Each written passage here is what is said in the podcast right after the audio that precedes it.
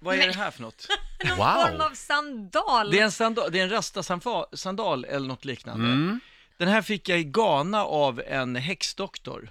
Ja, den ser Va? väldigt speciell ut. Det, det, den andra har jag faktiskt kastat bort, jag har bara en toffla kvar.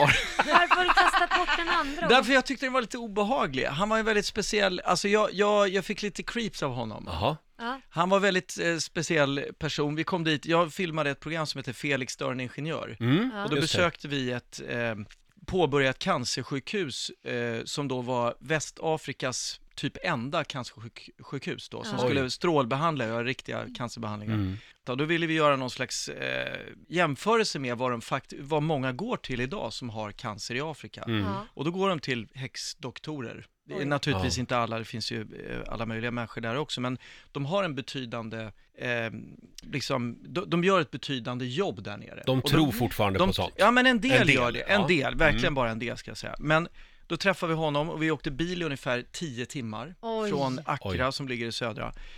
Och ha- han, eh, chauffören hade inte sagt riktigt hur länge det skulle ta, utan vi, vi skulle ju med ett flygplan tillbaka också nej. till eh, Sverige. Så att det blev ju, vi bara åkte och åkte och det tog liksom aldrig slut. Tio Och han- timmar. Tio timmar.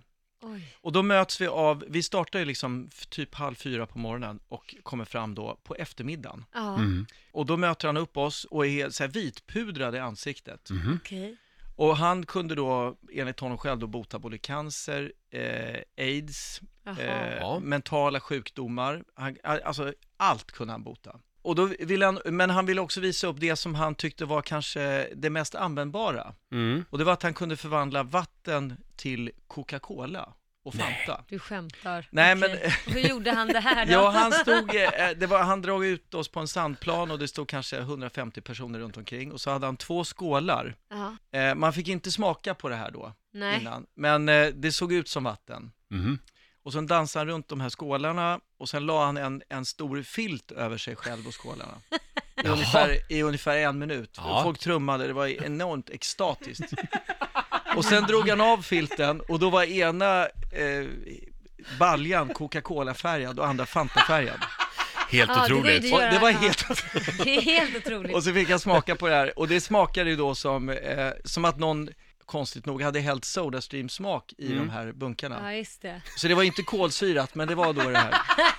Och sen efter det, då var vi tvungna att kasta oss i bilarna för att hinna med ett flygplan. Eh, ett inrikesflyg för att ta oss ner till Accra. Men eh, då, och då proppade han på med lite presenter. Mhm. Ja. Eh, sen, senare tog han kontakt med mig på Facebook och ville att jag skulle donera till hans verksamhet, Ja. pengar. Mm. Så det var en förgåva för att sen kanske då få tillbaks någonting.